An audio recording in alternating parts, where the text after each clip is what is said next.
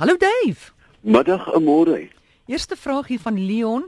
Hy sê daar was nou die afgelope week 'n storie van 'n blou blaasie wat 'n seun getakel het by Witstrand aan die Weskus. In die ag nie Weskus nie in die Weskaap. Mm -hmm. En die arme seun die die die, die hy het lyk like my allergiese reaksie gehad. Hy moes noodhulp kry. Hy was amper dood. En Leon wil weet wat is die nut van blou blaasies in die see en wat doen dit aan 'n mens as dit jou so brand of steek? Weet jy almore, ek dink die eerste probleem was dat die die seune die blou blaasie getakel en nie andersom nie. Dink jy so? Gooi tog die stomme ding drywe maar net daar. Hulle is baie interessante diere. Ehm um, wat net in seewater soos jy sê voorkom hmm. en hulle staan bekend as Siphonofora. Ehm um, maar nog meer interessant, dit is nie net een organisme nie, maar in die orde van sewe. Uh, dis 'n koloniale organisme. Uh bo is 3 medusoïde en dan is daar 4 poliepe. Met ander woorde omtrent 7 verskillende diertjies vasgeheg aan die seil wat vol lug is, uh CO2 en hmm. argon en al sulke vreemde gasse.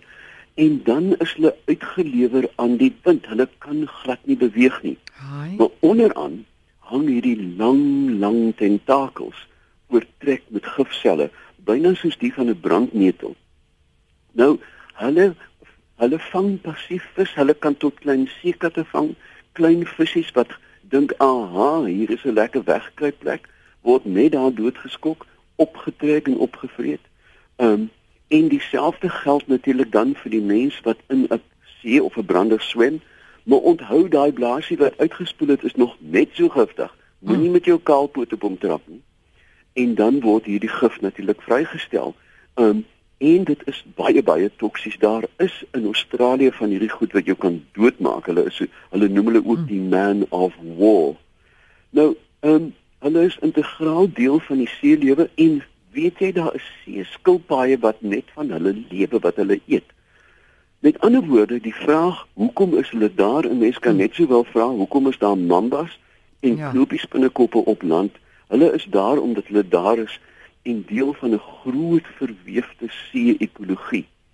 Ek dink net dat 'n mens moet attent wees, byna soos met 'n haai, um uitkyk wanneer seeblaasies voorkom as die wind hulle land toe dryf en dan eenvoudig nie swem nie want hulle kan vir jou baie baie seer maak. Maar daar's nog daar's nie 'n blou blaasie in Suid-Afrika waar waarin jy kan doodgaan nie behalwe nou hierdie nee, nee, man nee, wat nee, allergies nee, is. Nie. Dankie Vader nie. Ja. Um as jy 4 of 5 van hulle te gelyk van die skokke kry, moet jy maar eerder dokter toe gaan. Hmm. Want 'n mens kan in 'n skok kry, anafalaktiese skok word dit genoem. Hmm. Jy weet dat dit jou letterlik jou asemhaling beïnvloed ensovoorts. So wees attent. Daar's gewone teken op die strand, hier lê hulle ja. en dan moet jy vir al die kinders nie water toesteun nie. Nou veral nou met die vakansietyd wat kom. Goed, ons nommer 0891104553. Charlotte, goeiemôre. Goeiemôre, Amore. Hi. Praat maar. Ek, ek wil net 'n verduise uh, vraag vra. As jy hoender slag 'n hen, dan sit die eiers gewoonlik aan die bokant in die rug. Nou hoe werk dit want as jy as jy hen die eier lê, dan kom dit by die agterkant uit. Kan jy net vir my oh. verduidelik asseblief? Hoe ek ja, kyk, interessante vraag. Daar sit byna so 'n drywe trossies bo teen die rug. Nou Dit is waar die naam eierstok vandaan kom. Skus gou, wil jy gou jou radio afsit asseblief? Ek gaan ek gaan luister op die radio, dankie hoor. Dankie. Ja, Dave? Ja, eh, eh, ek het ek het as kind altyd gekyk toe ons nog skrophoenders geslag het. Jy's te jonk aan môre en en Marita ook. Ja, eh, ons is.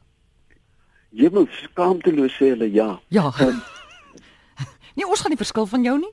Dis ja, wat vir my vra, is dit ek wat die hoender binne in lyk nie.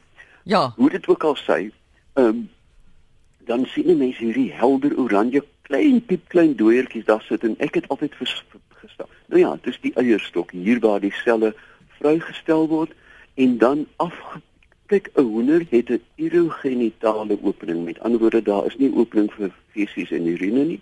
Daar's 'n kloaka waar hierdie twee strukture bymekaar kom en dan soos die ontwikkelende individuele eier en hier natuurlik waar 'n dubbeldoor soms gevorm word wanneer hmm. twee van hierdie selletjies saam beweeg word groter en groter en groter kry dan die um, die wit van die eier daarom neergelê, die dop word neergelê en uiteindelik dan by die kloaka, hierdie gesamentlike sogenaamde urogenitale opening uitgelaat.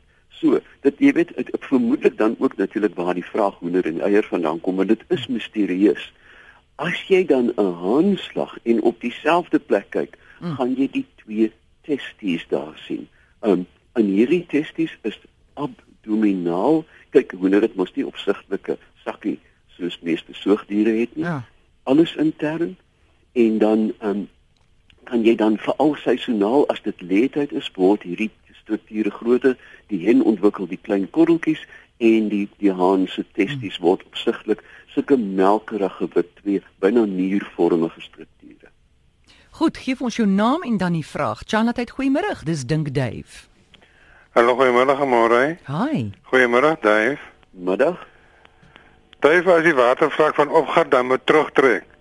sien mens dikwels groot groepe dooie plante en bome. Ja. Het hierdie plante en bome verdrink of as hulle dood gegaan as gevolg van omdat hulle nie kon fotosinteer nie. Ek luister by die radio. Dankie. Oh, bly gou by ons meneer David, jy alles verstaan daar? Ek het alles verstaan. Goed, dankie. Ek mag soos 'n para klink, maar ek verstaan nog. Môre, ja, jy weet, onthou jy dit? Nee, jy aan Marietta kan weer nie onthou nie, ja. die Kariba dam gebou is. Ehm um, is daar 'n reusagtige gebiede, duisende vierkante kilometer van ehm um, van woud, né? Nee, Savanna woud is toe natuurlik um, onder water. Nou, plante kan eenvoudig nie onder landplante kan nie hmm. onder water fotosinteer nie. Hulle verdrink letterlik. Jy kan dit by enige nuwe dam sien en as ek van nuut praat, praat ek die afgelope 30 jaar.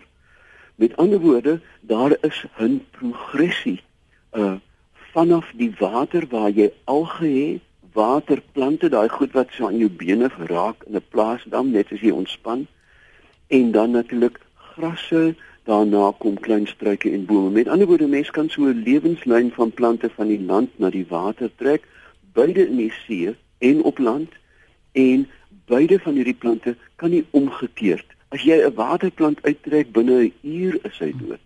Um, met Aha. ander woorde, hierdie plante is absoluut gespesialiseer en al los jy 'n boom net vir 'n dag of 3 onder die water, is dit nesie verby. Hy kan eenvoudig nie buite sy aangepaste ruimte oorlewe nie. Goed, Karel wil weet hoe hou 'n mannetjie spou? Hoe kry hy dit reg om daai groot stert so te lig en in die lug te hou? Dis nog 'n vraag wat ek dis 19 in 3 kwart um, amore. Oh, nee, moenie vir my sê. Maak iets op asseblief. Nee, nou moet jy natuurlik vra, hoekom staan die hare op jou arm regop as jy skrik? Ehm ja. um, nee. Hoe kan 'n kokatiel sy kuif oopmaak? 'n mm.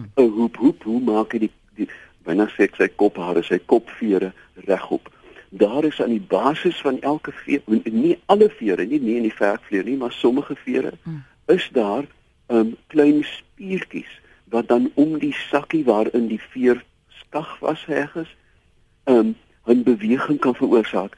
En jy sien dit by 'n voël wat koud kry wat sy vere oppof, né? Ja. Dit is nie dat hy koud kry en die vere staan net oorent nie. Daar is duisende spiertjies wat die veer dan regop trek en dieselfde geld vir die pou. Die spiere is uiteraard daar net sterker want dit moet 'n gewig wees om te dra. Mm. Nee. En wat so interessant is om hoor, daar is 'n koste dat hierdie stert het evolusionêr ontwikkel tot op 'n punt waar hy nie 'n 100 gram swaarder kan wees nie want dan vlieg die pou nie. Met ander woorde, Hai. hy het sy hy het sy maksimum stertgrootte bereik. En dit vind 'n mens by baie baie ander voëls mm. en ook jy takbokke, sy horings kan nie groter word nie want dan kan hy sy kop optel nie.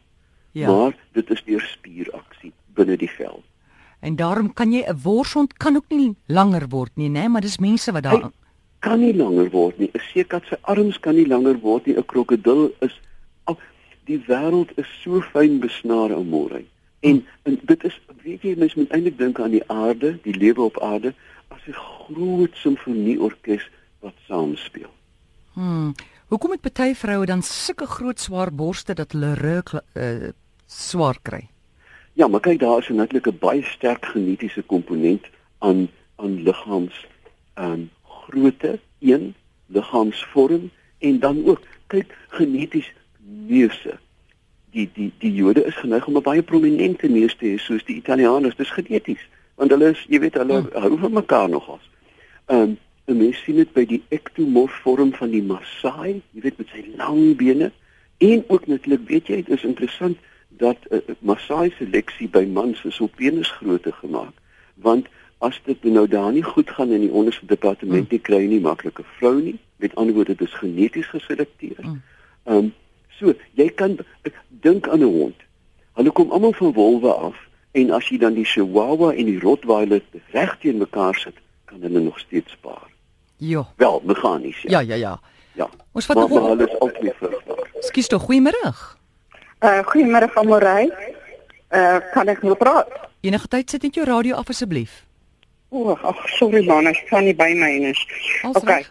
Ek wil net graag vir jou vra. Kan jy my hoor? Ja. Ek hoor. Ehm um, ek het 'n ek het 'n SMS gekry.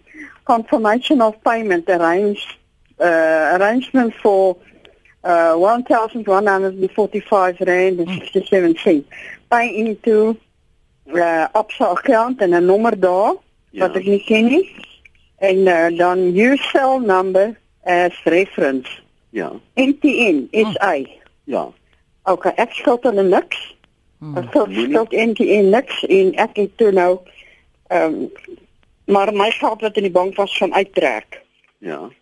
So uh, is dit 'n skerm hierdie of wat dink jy?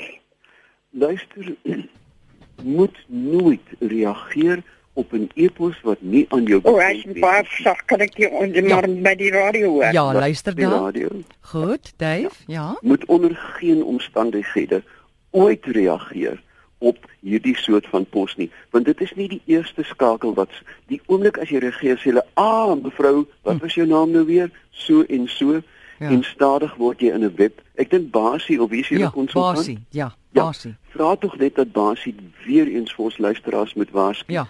Ek kry nou 'n oproep nou die dag van Indonesië. Ja. Van hulle sê hulle het 'n verskriklike virus op my rekenaar uh, gekry. En jy weet, ek sê my mapstik so oulikies van julle. Mm. Ek weet net geen natuurlike reeks. Ek moes dit nie gedoen het nie, maar dit het naderhand baie naar geword in die sin wat ek gedink het is 'n speletjie, is ernstige misdaad.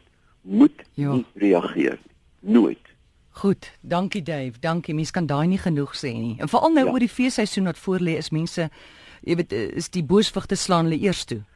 Jy het geen idee. Weet jy ek dink daar is werklik 'n slenter Kersfees ook. Dat daar hm.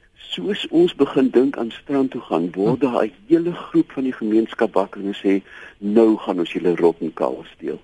Want jy weet 'n mens is moeg van die jaar, jy's op jou laaste hm. asem hm. en dan is jy kwesbaar en dit is juis hierdie tyd wat 'n mens jou aandag toespits om hierdie om hierdie kriminele af te weer en hooplik ook te vang as 'n mens kan. Mm.